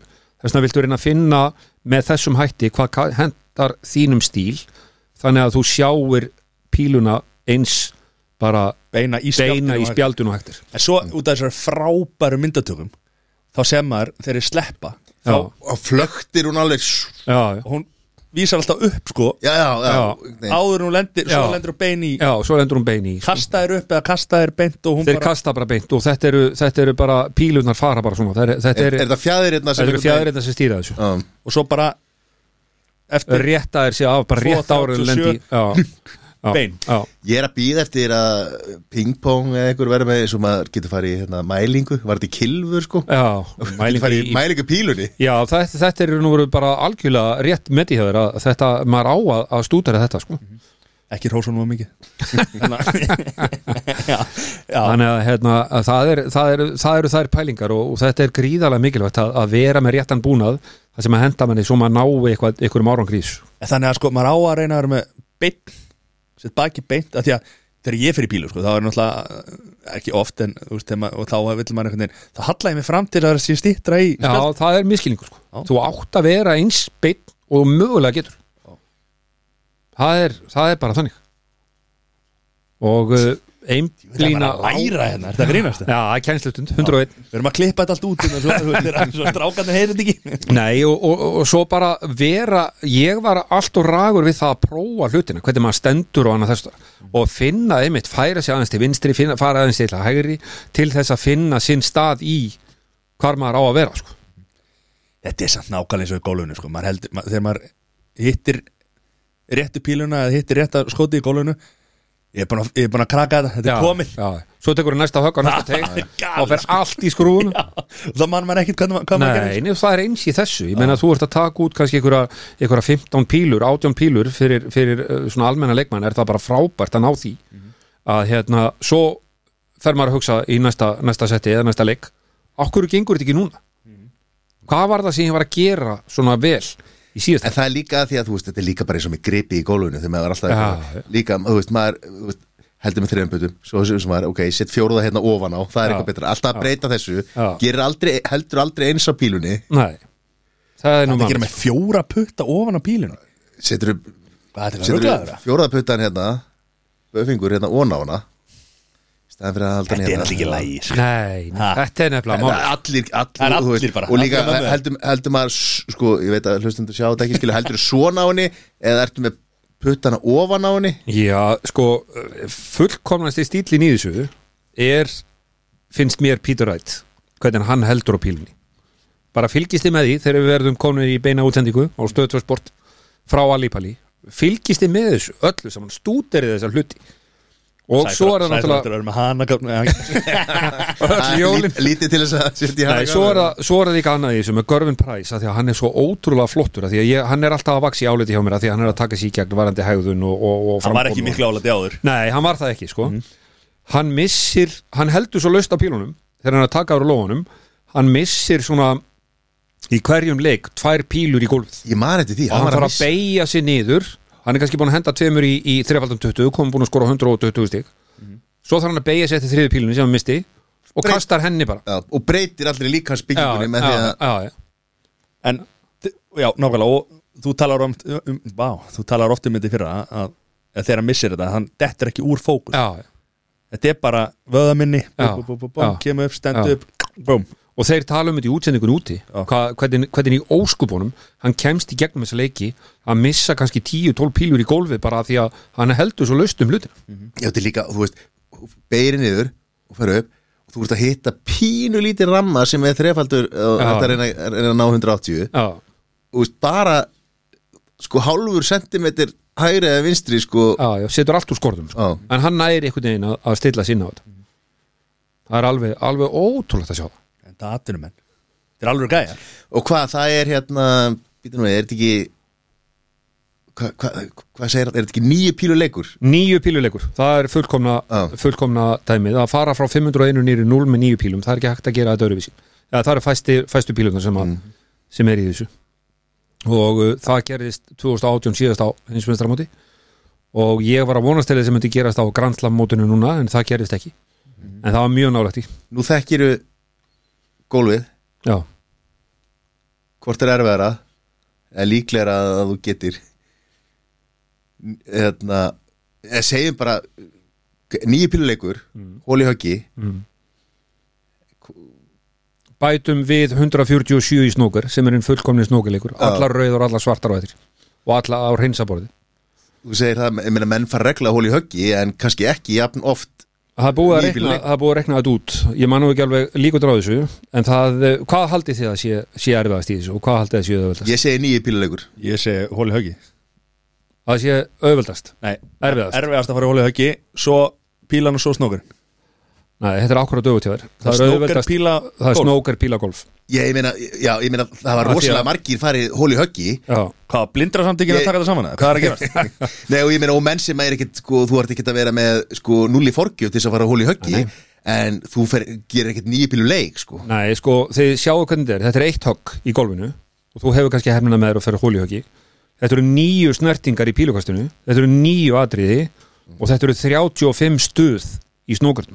Það þarf alltaf að ganga upp í snókartum til að ná þessu. Þannig að ef við setjum þetta upp í þá samingi þá skilum maður af hverju þetta er auðveldast að fara á hólihöggi En, ok. Að byrja, var, var þetta auðveldast hóla svo snókir, svo píla eða Nei, nei, snókir erfið Snók er hennar erfiðastur, Já. pílan er í öðru seti og hólan í höggi er Já. auðveldast af þessu. Það er maður spurningu.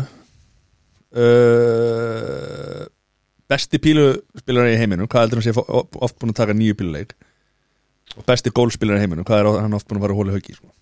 Já, það er nefnilega málið sko. Ég held að Phil Taylor hafi náð þessu sem, sem hefur 15, 16 faldur einsmestari 15 og 16 faldur, ég er nú með þetta ég þurfum ekki að skoða, það skiptir nú ekki svo miklu máli. Uh, Ég held að hann hafi gert þetta í keppni fyrir framann sjónvarp sexinum. Já, það er ekki oftar en það. Nei, og svo vantarlega eitthvað æfingum Já, já, svo já, eitthvað æfingum og Ég meina það eitthvað er menn fara að hóla höggi þó að það sé ekki, Björgvin heitinn Þorsteinsson Kilvingur sem lést nú á árunu, blessu sé minning hans. Uh, ég var að kynna hann inn á uh, hérna einvíðin og seldetanissi núna fyrir ykkur tveimur eða þreimur árum síðan. Og ég kynnt hann inn Björgvin Þorsteinsson, gólklubbi Akureyrar hefur 11 sinnum farið húli höggi hann spilaði ringin kom svo timmið þegar við fengum okkur kaffebólla og fengum okkur að borða inn í skála eftir, eftir ringin Palli, ég ætla að leiðrétta þig, ég er búin að fara 12 sinnum. Ég hef orðið vitna að hóli höggi en ég hef síðan verið aldrei vitni að nýju pílu leik. Nei, ég meina að það er enginn á Íslandi sem hefur náð uh, nýju pílanleik, það er einn í Grindavík sem gerði í skúrnum munaði einn í pílu hann hefði náði hann náði ekki að taka út 12 hann var inn í 12 það er hann Friðrik félagi minn Já. en það verið enginn á Íslandi verið nála þessu hvorki á æfingu eða neitt slíkt þannig að hérna, þetta er Maður, Hvað gerist ofta á Alipalli í fyrra? Aldrei. Aldrei Gerði síðast, hvað, 2018? 2018 og þetta gerðist á Grandslamótinu núna í, í sem sagt fyrir ári síðan og þetta gerðist á, á Hósetur Sósa náðu þessu á í úrvalsteldinni í pílukasti í, í, í vor. Ég held ég að þetta var miklu algengar þetta er. Nei, þetta er nefnilega, þetta er nefnilega ótrúlega sjálfgæft að þetta gerist og ég er bara ég ætla að vona að þetta gerist í Alipalli núna vegna þess að þetta er, þetta er svo sturlað að sjá þetta. Ímyndaði ykkur að henda sjö pílum í þrefaldum 20 svo fer í þrefaldum 19 og svo klárar þessu tvöfaldum 12 Það hefur oft komið fyrir sko, menn er að taka sex pílur í, í hérna 180, já, já, í þreifaldum 20 já, já, já, já, það hefur alveg svo gerst. kannski, svo kannski sjöfundi en svo klikkar áttunda og níunda eða Já, já, já. já, þannig að hérna, þetta er þetta er, já, þetta er uh, bara eins og ég segi, ég vona að þetta gerist nú. Já, og vorum að Sherrock gera Er einhver, nú, þegar þú fer inn í móti gefur það upp hver er þinn uppbórs Já, já. leikmaður fyrir móti já, já, ég gerir það. Það er Nathan Aspinall mér finnst hann frábær. Hvað er hann á, Breti, ef hann þú er- setja hann svona kannski á listan eða Hann er alltaf einhverjum skrýtum hérna jakka ekki? Eða hérna í, Nei, nei, hann er, hann er bara alltaf í, hann er bara í, í hérna, þetta er ljósari strákur hann er, hann er um þrítugt uh, ótrúlega, ótrúlega flottur pílukastari rosalega góður uh, góður náungi, hann er svona sinnir mannúðarmálum og, og, og öðru þessu og uh, hann bara, hefur frábæra framkomu og, og, og ótrúlega góður pílukastari. Og ég uh, bara vona að hann nái, nái mjög langt núna á þessu múti Hvar var hann á síðasta, var hann á síðasta Já, heimsins? já, já, ég, hann komst í áttamann úslit í fyrra. Já, átta eða sextamanna, ég mann það ekki alveg. En, en hann, er, já. já, hann, er, hann er mjög, mjög góður sko. ég man þetta nú og ég nota pílutan sem hann er að spila með. Mér finnst það frábærar og eftir að lána hann um það er bara núna Já, hann er með, ég sendi, sendi setti mitt út núna.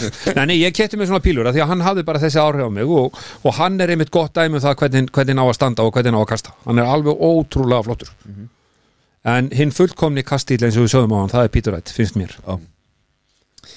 Ég er svona rokka rokka, Rokka, talandi, um- var ekki rockar hann að, hvað er ekki, Simon, Ryan Searle. Nei, Ryan Searle. Já, heavy metal mann. Já. hann er hérna, notar uh, píl, þingstu pílunar 36 grömm, það er alveg kóng svo þessi slagsíð á hann þegar hann heldur á pílutöskunum og kemur inn í höllin þetta er svo þungt. Nei, maður hefur valið sér svona kannski svolítið snemmi í mótinu svona með hverju maður heldur og þú veist ég, ég held nú ekki jú maður, ég, ég fyrra held ég hef verið svona upp og niður á á hérna Gorum Price vagninu sko. Já, þú veist, það er bara því að hann, þú veist, þú náttúrulega veli bara þá sem er að vinna, sko hann var ekkert líklegur í Nei, nei, hann er ekki búin að vera líklegur. Hann er var búin að vera bara hann er búin að vera að, bara ekki á góðum stað núna og, og hérna, þegar hann, þegar hann datt út í, uh, mann nú ekki alveg hvaða mót það var, þá barst hann bara í grát af því að hann var svo ósáttu við sjálfan sig, sko.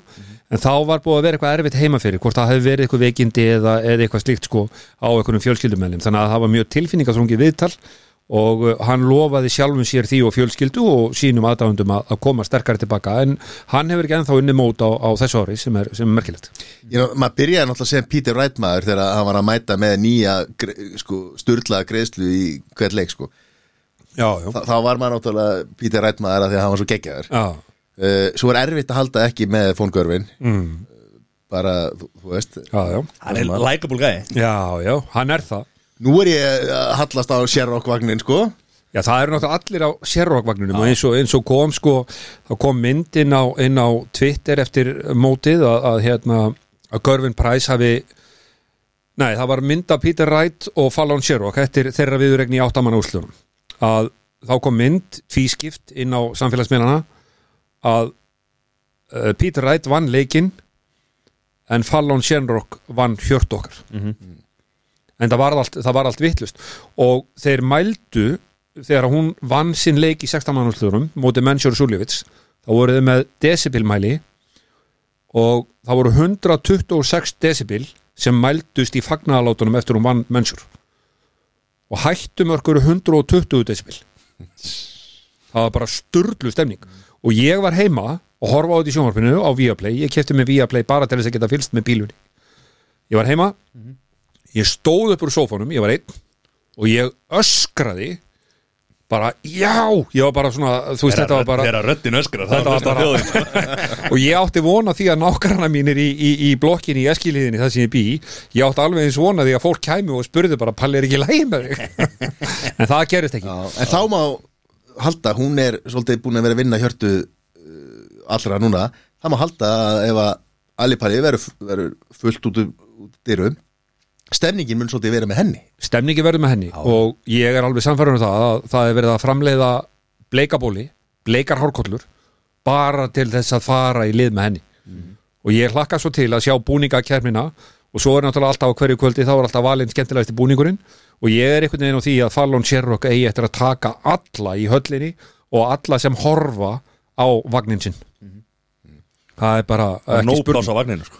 pláss á vagninu sko. Og það er eftir að bæta fleiri vögnum við sko. bara framlengja sko.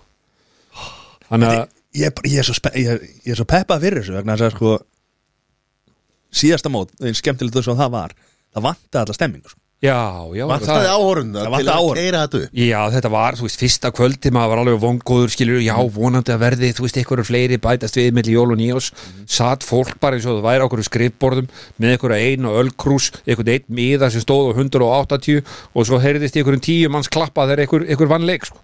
Þetta er, stemningin er svo mikilvæg í þessu. Bara eins og líka bara með fótboltan og, með, og allar íþrótti sko. Já. áhörundur eru búa til stemninguna. öllu máli það er bara þannig og ég ætla bara að vona að menn nái að halda þetta út og, og, og það verði bara fólk á öllum kvöldum og öllum, öllum útsendingunum sko. Það er hérna pílu senan í, í svona, hvernig hérna er einhverju svona pílu staðir sem að e, það er nefnilega frábært og skulle komin á þetta. Ég saði ykkur frá því að þeir voru hérna Daniel Larsson og Marco Cantele og Darius Labalanskas og, og þessi strákar sem verða á stóra sviðinu Matas Rasma sem er frábærleikmaður alveg ótrúlega flottur spilari. Þeir komu hingaðin á Snorrabraut inn á Búlsæ og þeir sögðu þetta er flottasti pílustafur síðan komið inn á. Já, í heimi. Er þetta þá bara á, maður hugsa alltaf, já, þú verður góður í pílu af því að þú ert svo mikið á öldurhúsum bæjarins og, og, það er píluspjald í Bretlandi, sko. mm. Þeir eru að spila þetta í bara svona félagsheimilum. Þeir eru bara svona með aðstæður eins og við getum ímyndað okkur eins og við út í píluvinnafélagi út í Káur þar sem við fáum bara félagsheimili Káur og breytum því bara í pílustaf Þetta er bara þannig. En að vera með svona stað eins og búlsætt þar sem er bóðið upp á mjög góðar veitingar og uh, þeir eru með, með veitingaþjónustu á öllum hæðum og bara frábæra þjónustu og aðbúnaðurinn er alveg 110% og ég satt með þessu strákum eins og ég rætti mikið við Daniel Larsson sem er mjög svíi, mjög viðkunnarlegur og, og við sátum hann og fengum okkur einn, einn öl og, og rættum, rættum þessi mál. Hann sagði, þessi aðstæða hér að vera með allt þetta er, þetta gerist ekki betra. Við erum ekki með svona flotta aðstöðu í, í, í Svíþjóð. Draumurinn væri að fá eitthvað stórt mót á snorrabrautina, í salin og vera með sviðið og, á, og Já, með já, áhörundur já, já. Hérna. það er framtíða sín þeirra eh, veit ég, hann Jón Gunnar Berg sem að, á þennan stað þeir eru, náttúrulega þeir eru að gæla við þá hugmynd að, að fá einhverja menn til þess að koma og keppa hérna og vera með einhverja góða stemning og búa til eitthvað, eitthvað svona dæmi og, og það er náttúrulega gerist ekkit fyrir en að COVID er búið og svo er þetta náttúrulega eins með þessa menn eins og alla aðra, leikara og annað sem eru, sem eru með stífa dasgrá að, að hérna, það þarf að bóka þessa einstaklinga vel fram í tíman með tveggja, þryggja ára fyrirvara þannig að það er alveg hægt og ég veit að, að hérna, Einar Örn, handbóltaþjálfari, hann kom, a- kom á máluðum, ég hitt hann á, á einhverjum veitinga, veitingastað þar sem að menn er að gæla við að búa til svona viðburð. Þannig að áhugin er orðin það mikill á bílukasti hér á landi að menn vilja búa til svona stemningu og upplifa þetta. En hversu rugglaðir eru við Íslendingar? Þegar við með einhvern pílur það hérna nýra á snorra Já, þetta bara lýsir Sko, Svo getum við gefnið körub, landsleik Körubólta, handbólta hérna. Nei, ég, einmitt, ég, ég, einmitt þegar að, hérna, ég frétt af því að það væri verið að fara að opna einhvern pílustannir á Östurbæðabíói einhvern búlsæ og, og alltaf vera bara þar í pílukasti ég hugsaði með mig, hvert eru er við farin? Þetta á aldrei eftir að ganga upp. Ég reynur nú að vera bjart síðan aðeinsfæri sko. Já, en vitið það, það eru allir sem fara hann inn með vinnustæðinir og félagðinir og annað. Þeir ringja svo í mig og segja, "Heyrðu, ég var hann á snorrabrautin í gerkvöldi ég vil vera þetta ókesslega gaman. Og staðurinn gengur bara mjög vel Já. sem er bara frábært. Og þetta verður er vera vel Þetta er allrein, Og það en, geta allir farið í pílu. Já, já, Sérstaklega þeir eru, þeir eru, hérna, eru einhverju leikir ert bara, Talma segir bara hvert þú ert að reyna að hitta. Já, Þú ert bara að reyna að hitta þannig að þú fer með vinkonuðinum eða vinuðinum eða, Já, eða já. pör saman. Algjörlega Þetta, þetta er bara geggja koncept. þetta er algjörlega, algjörlega briljant, briljant koncept og, og, hérna, og bara skemmtilegt að því þú færð, að, þú, þú færð allar upplýsingar, þú ert mataðar af þessu að því að þú þekkir ekki þetta sem að menn er að spila 501 Já. sem er leikurinn í bílukasti en þannig er verið að búa til einhverja leiki þar sem að þú kastar með einhverju pílu og þú átt að velja, þú veist, velur þessa tölur og þú átt að hitta fimm sinnum á undan þér. Já, og þetta er bara svo einfalt. Þetta er bara, þetta er svo ótrúlega skemmtilegt. Já, og mikil keppni og fólk alveg æsist upp úr öllu og, og svona byrjar bara áhugin á bílkasti já.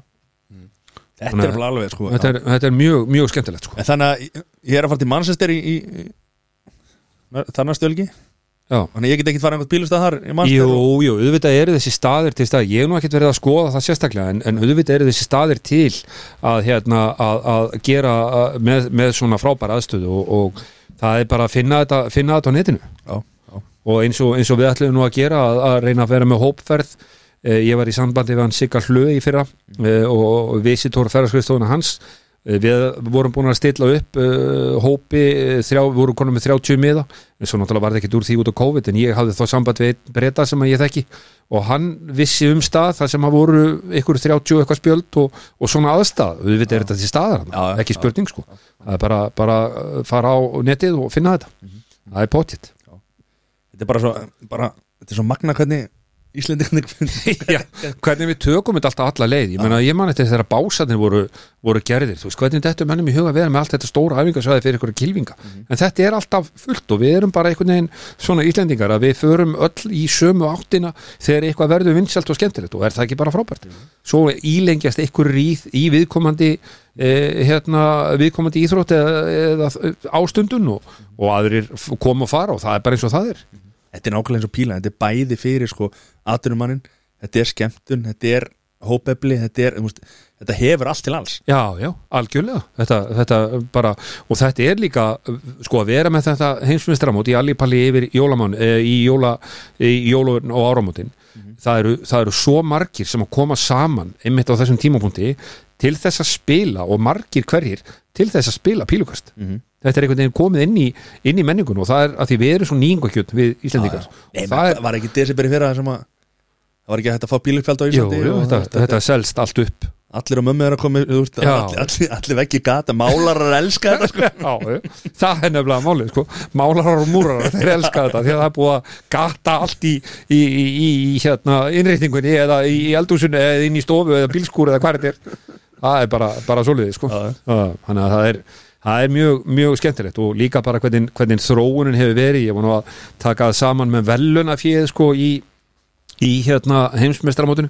Fyrsta móti var haldið eh, 1994 og uh, þá var velunafíð, maður sjá, ég ætla nú að finna er þetta þetta ekkit eldri en það heimsmeistramóti í pílukasti byrjaði bara 1994, betur ég ætla nú að finna þetta hérna. Þannig að hann hérna Þetta er alltaf úr mér sem vann þetta 16 sinnum Phil Taylor. Phil Taylor, hann vann frá 94 bara 16 ára röð Já, hann tók þetta nánast þannig það voru uh, hérna, Dennis Priestley og, og uh, Raymond van Barneveld tók að þrjá titla og, og, en nánast var þetta bara frá 94 þar til hann hætti sko. en fyrsta heimsumistramóti í pílukasti við skulum aðeins fara svona í söguna að það var haldið í Circus Tavern í, í London og þá var velunafjöðið uh, 64.000 pund. Og fyrsta sætið var 16.000 pund eða 2,8 miljónir og annað sætið var 8.000 pund eða 1,8 1,4 þannig að þetta skiptir svona og svo eru náttúrulega þeir sem að komast inn, þeir fá náttúrulega ykkur 5.000 pund eða eitthvað, eitthvað slíkt sko. Já. uh, Þannig að fjast þá fyrir fyrsta sætið uh, fyrsta sætið 16.000 pund eða 2,8 miljónir 2,8 miljonir Já.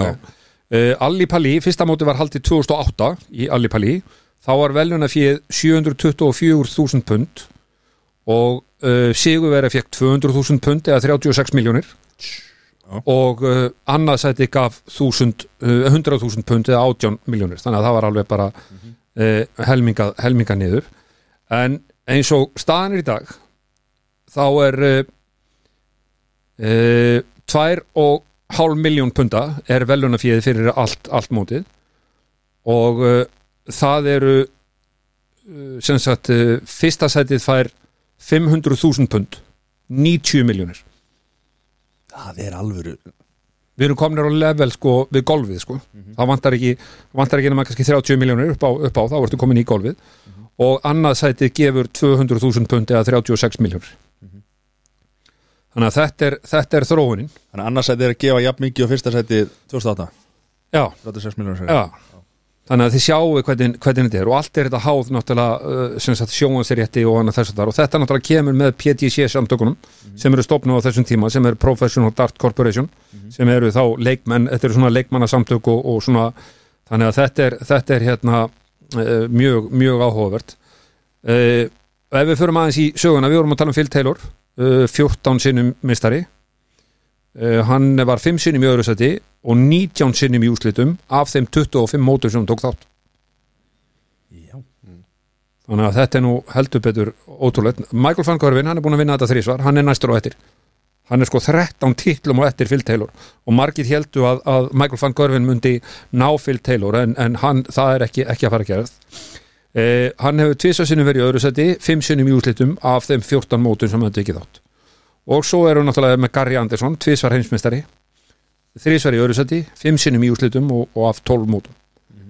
Þannig að þessir, þessir strákar svona þannig að þetta er svo er náttúrulega Peter Wright sem var einu sinni í fyrsta seti einu sinni í öðru seti og 12 af 12 mótum. Þannig að þið sjáu að þetta er alltaf erfiðar og erfiðar að, að nálgast þetta sko. þannig að þetta mót ég held að, að heimsmestramóti verði alveg ótrúlega skemmtilegt og Já, sem gerir, þetta það er allt opið Já. Þetta er auðvitað helst að líki hendur þó að vinsaldar hafa verið svona að þegar, þegar Taylor var svona yfir eh, með svona mikla yfirbyrði já, nú er þetta miklu sjóma svætna þegar, að- þegar það er svo margi sem geta vunnið já, já. Það, eru svo, það eru nefnilega svo miklu fleiri sem komandi greina heldur en, heldur en bara einhver einn, eða tveir sko. Ég meira sér það líka bara þegar 100 miljónur undir og þú ert í hérna fyrir úrslita leik sko já, Ertu að fara heim með 36 miljónur eða, eða 90 og þú veist, eða Já. 100 miljónur sko. Já. Þú veist, hvað hérna og svo fullt af fólki að öskra því að því að þú, þú veist, ég er bara í pílu þetta, hvað er að fyrir þetta? og ekki bara 100 miljónuna því að það er líka allir auglýsingarsamningar og annað undir já. ert meistarinn sko. Já, það er allt, allt í húfi Það sko. það eru allir píluframlegendur sem vilja vera með og, og annað þess að sko, þannig að þetta er, hérna, þetta er það er orðið svo ótrúlega mikið undir sko. Og svo náttúrulega alla veðmála síðan sem eru komnar sko. þú, veist, þú getur orðið veðjað hér fyrir tveimur eða þreimur ára síðan, það kostu bara veðjað á úrslit leikjana en þú getur veðjað á viðburinn og meðan hann er í gangi sko. Þetta er orðið það vinsælt sko. live score bara, eða þú veist já, já, live bet bara allan, allan tíman sko. hvað var bara að setja undir hvað er með eitthvað innsætið það? Ég veit ekki, ég, ég tek ekki þátt í, í svona leikjum ég, hérna, einhvern veginn bara, ég bara, bara er, er bara viðkvæmt blóm af því að ég held að, að ef ég fer eitthvað inn í þetta þá sogast ég bara alla leið og, og missi bara brækunar í þessu sko. af því að maður er svo kvatvís en ég ætla núna að, að setja eitthvað, eitthvað smá pening á eitthvað, eitthvað leikmann sko. mér langar að gera það já, bara upp á hérna, hver vinnur já, bara upp á fönnið sko. Já. og ég, mér langar að, að gera það líka mér langar að setja á eitthvað leikmann nýju pilnarleik Já.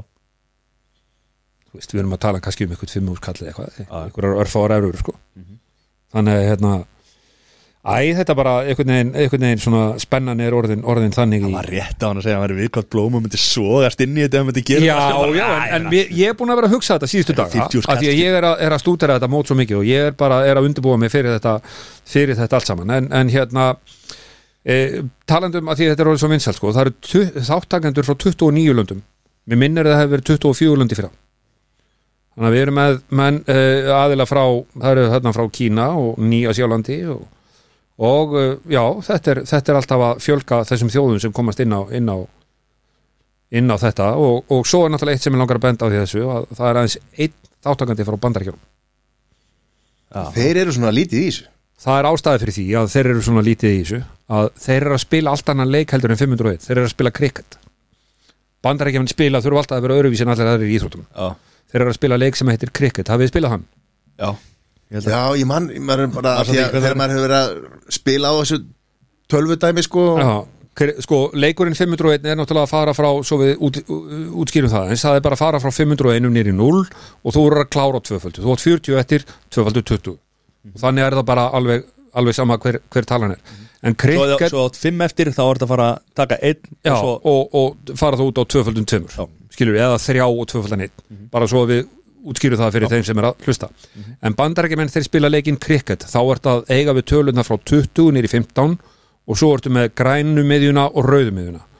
Og þá þurfum við að spila þá spilast hann þannig að þú ert að hitta e, þremur pílum í 20 þá ertu búin að loka reitnum. Það er að segja, ef þú hittir í þrefaldan 20 með einni pílu þá ertu búin að loka. Ef þú hittir þrefaldan 19 þá ertu búin að loka. Þrefaldan 17 þá ertu búin að loka. Og þetta er það sem kallast þá nýju hitt í, í þeim leik. Ef að ég er að gera og ég er búin að hitta tveimur í 20 þá getið þið skorað á mig sem sagt skorað, lokað með sem sagt hitt í þrefaldan 20 og að þið skoruð fjórðu pílun í 20 þá eru þið búin að skora 20 stig á mig og svo snýst þetta um að loka þessum tölum og vera með hærra skor í lokin til að vinna. Þeir spila ekki sem sagt þennan 501 leik. Þeir eru í þessum leik. Og maður hugsaðlega ekki ráð fyrir það sem betur fera því að eins og með margar aðrar íþróttir ef að þeir, ef að bandarækjum myndu fara í það myndu svolítið keira, já, já, keira yfir þá íþrótt sko. Já, já. Það, er, það er mjög líklegt að þeir myndu gera það sko. En þetta er bara möguleikaður í þessu pílugasti að það er alltaf að spila fleiri heldur en, heldur en þetta, þetta dæmi en 501 eins og besti pílarinn í bandarækjunum Þú veist að hann er rosa góður í kriket Er eitthvað sem að hann var ekki rosalega góður í 501 Já, ég held það að hérna hann er sko kriketið er bara þannig þú ert bara að vinna með þessar, þessar sjö tölur þar að segja sko 20 nýri 15 og svo rauðumiðjuna og, og grænumiðjuna af því að þegar þú ert að spila 501 þá þarf þetta að vera með starffræðina alveg á hrein að leikmenn sem eru komnir þessir, þessir bestu spilar þeir eiga til 233 þá eru strax farðan að hugsa hvað er alltaf að gera til að eiga svo gott útskott í næstu kastserju af því að hæ- hæðsta útskot er náttúrulega 170 þannig að þeir eru að hugsa hvað þeir eiga, jafnvel fyrr, þeir eru kannski í 330 þá eru strax byrjar að hugsa þú veist, 60, 60 og einhverja tölu til þess að eiga svo góða, góðan möguleik og sinni uppáhalds útskottstölu Já, það var einmitt góða búndur að sem varst að segja. Þeir eiga einhverja uppáhaldstölu Já, ég meina sem er hitt alltaf í Michael van Görvin, hann er í uh, topnum sem er, er 2.20 Görvin Price er í 2.20 uh, svo er þeir uh, James Wade hann er til dæmis í 36 2.18 hann vinnur svolítið mikið með það. Uh, Michael Smith, Bully Boy hann er í 32 Nathan Aspinall er í 32 2.16 maður er haldið að væri 12-20 af því að þú ert alltaf þú ert alltaf að reyna að hitta í 20 eða 30-20 Já, já, bara aðeins að hækka akkurat. Ef við gerum ráð fyrir því að við þekkjum bandaríkjumenn rétt að þá ef þú vinnur, hérna, vinnur móti í bandaríkjur þá ertu vantarlega heimsmeistari. Sem eins og í hafnabolta sko, ef þú vinnur í, Þá ertu heimsmeistari. það er bara þannig. En það er hins vegar mjög gaman að fara inn á YouTube og skoða bestu krikketspilarinn í bandaríkjunum. Það er svo mikið efni á YouTube um pílukast bæði kennsla og annað, annað þess að að það er mjög gaman að sjá þá spila hann að leika því að hann er mjög skemmtilegur þessi leikur. Svona góð tilbreyningu í, í, í þessu sko. Við hefum le- verið að spila líka killer hann já, já, já, emitt, það, Það er, hérna. það er frábær byrjunarleikur fyrir fólk til þess að bara skinja pílukasti hvernig, hvernig, og píluspjaldið að spila killer. Það, er, það er mjög sniðut og, og, og leikur eins og við spilum út í, í káir það sem við köllum X, það snýst bara um það að ná herra skori heldur en anstæðingurinn á undan. Og þeir sem eru komin með 3X eða 5X þetta þá út það er til að eitt leikmaður er eftir Skilji, það, það, er, það er mjög góð leik, mjög góðu leikur bara til þess að kynna spjaldinu og læra reikningin sko og svo hvet Við ég erum alltaf náttúrulega með bara hérna, þú veist, við fyrir að búlsæma Við erum, við eins og bandaríkjumar, við erum svo vitlisimar Nei, en ég líka hvet fólk til þess að um að gera nota alla þessa tækni að því nú eru til öll þessi upp í, í pílukastinu uh, til þess að skrá stigaskúrið en ég hvet fólk bara líka til þess að læra leikin enn betur að reikna þetta í hugan að vera bara með, vera bara með blað eða að keppa ykkur í nokkrar saman. Að vera með blað og skrifa þetta niður og læra útreikningin bara til þess að átta sig á því hvernig þetta er og svo náttúrulega fara inn á netið og ná í þessar útskottstöflur þessar leiðir sem hægt er að fara til þess að klára þú veist hvernig náttu að taka út 121 á hverju byrjar þú? Byrjar náttúrulega á þreiföldum 19 þá átti 57 skiljið til þess að ná inn 8 ná inn hárri 8 til þess að komast í útskotið. Þannig að hérna, um að gera ná í öll þessi tæki sem er á netinu til þess að hjálpa sér til þess að, að hérna, ná árangri í þessu. Herru, tíminn er að renna frá okkur. Er hann frá, hvað er stressaður? Er ég að miskila hérna, var ekki Íslandsmót í pílu síðustu um kringu jólinni fyrra? Eh, Nei, það var jólamót Jólamót? Já, Verður já það verður aftur jólamót og, og, og það verður svo á e, e, þriðudaginn 30. E, nómber þá verður úrslitin í liðakefninni þar sem að pílukast félag Grindavíkur og pílukast félag Reykjavíkur mætast í úrslitum Verður það sjónvarpa líka? það verður sjónvarpað, það verður beinu útsendingu og stöð sport þannig að hérna- ég verð að lýsa, já, já Ekki taka þátt eða? Nei, ég er ekki, ekki, ekki á þessum stað ég bara er, þau, mér hefur bara ekki gengið nægilega vel undanfarið þannig að það er bara, það er bara þannig Búin að skipta um pílur? Já, já, þetta er Búin bara að breyta stöðu? Já, já, þetta er alltaf að koma sko Ég verð þarna á næsta ári, Eh, ég ætla að setja með það markmið Já. Ég er ekki búin að vera því ég er bara ekki búin að vera sáttu við sjálf mig Mér er ekki gengið nægilega vel, þannig ég er ekki búin að vera að kasta nógu mikið undanfærið og svo hefur baki líka aðeins verið að trubla með undanfærna vikur þannig að það er svona, svona staðan Spelku? Nei, þá voru stífur. Ég er bara að vinna í laustum Og getur ekki, getur ekki teitt í píluna þegar maður heldur laust eins og eins og Gunnar Præs Nei, þetta er, það er nú máli sko. Heyrðu, hvað það var? Takk hjá fyrir komuna. Takk fyrir mig. Er eitthvað sem þú vilt koma Já, ég, við hvet- hvetjum fólk til að hlusta á gullbyggjuna Já, alltaf á hlusta gullbylginu Já, uh. og náttúrulega stilla inn eh, 15. DS. 15. des, þá byrjum við. Þá förum við í loftið og þetta er bara alla daga nema, nema náttúrulega aðfokadag og, og, og á, á gamlarskvöld en, en svo eru náttúrulega tvær útsendingur á nýjársdag þannig að ég var að horfa á það. Það verður bara, bara spennandi en Verður eitthvað uppbytuna þáttur? nei, það, sem að- nei, nei, það er ekkert, ekkert svoleiðis, allavega ekki, ekki eins og staðan er í dag en maður veit ekki hvað, hvað gerist. En ég veit ekki hver, hver verður heimsmyndstari ætlaði að spá eitthvað um það? Og ég að snúa spurningunni við og, og fá eitthvað til þess að segja mér hver verður heimsmyndstari Já, Pítur Rætt tekur þetta. Já, Ég, sko Miðað við hvernig búið að þróa síðustu ára Það er, er engi búin að vera að verja titilinn. Þannig að væri náttúrulega Rómatíst að sá Gunnar Præs verja titilinn. Mm. Ég ætla náttúrulega að halda með Sherrock já, og eh, held náttúrulega samt líka með Fón Gervin já. Hann er flottur. Ég held að hann sé búin að nota þessa viku núna af því að hann var ósáttur við sjálfa sig núna eftir, eftir síðasta mót, Grand Slam, það sem hann dætt út að ég held að hann sé búin að vera bara í svona bístmót ég held að hann komi algjörlega sturlaði til leiks en það geti vel verið að, að það verði ómikið kapp í honum og hann missi hausinn mjög snemma. Ég er, er hérna uh, ég ætla að fara á náttúrulega minn maður Nathan Aspinar, hann vinnur aldrei þetta mót þó ég, mig langi að, að sjá það. En ég ætla að segja að Johnny Clayton verði hinsmestari Johnny Clayton, Já. það er skjálfest. Hann er búin að vera að spila hvað best á þessu ári hann er frábær kastari velisveri og hérna ég held að, að hann verði verði takið þetta mótuna. Hver eru með nýju píluleg?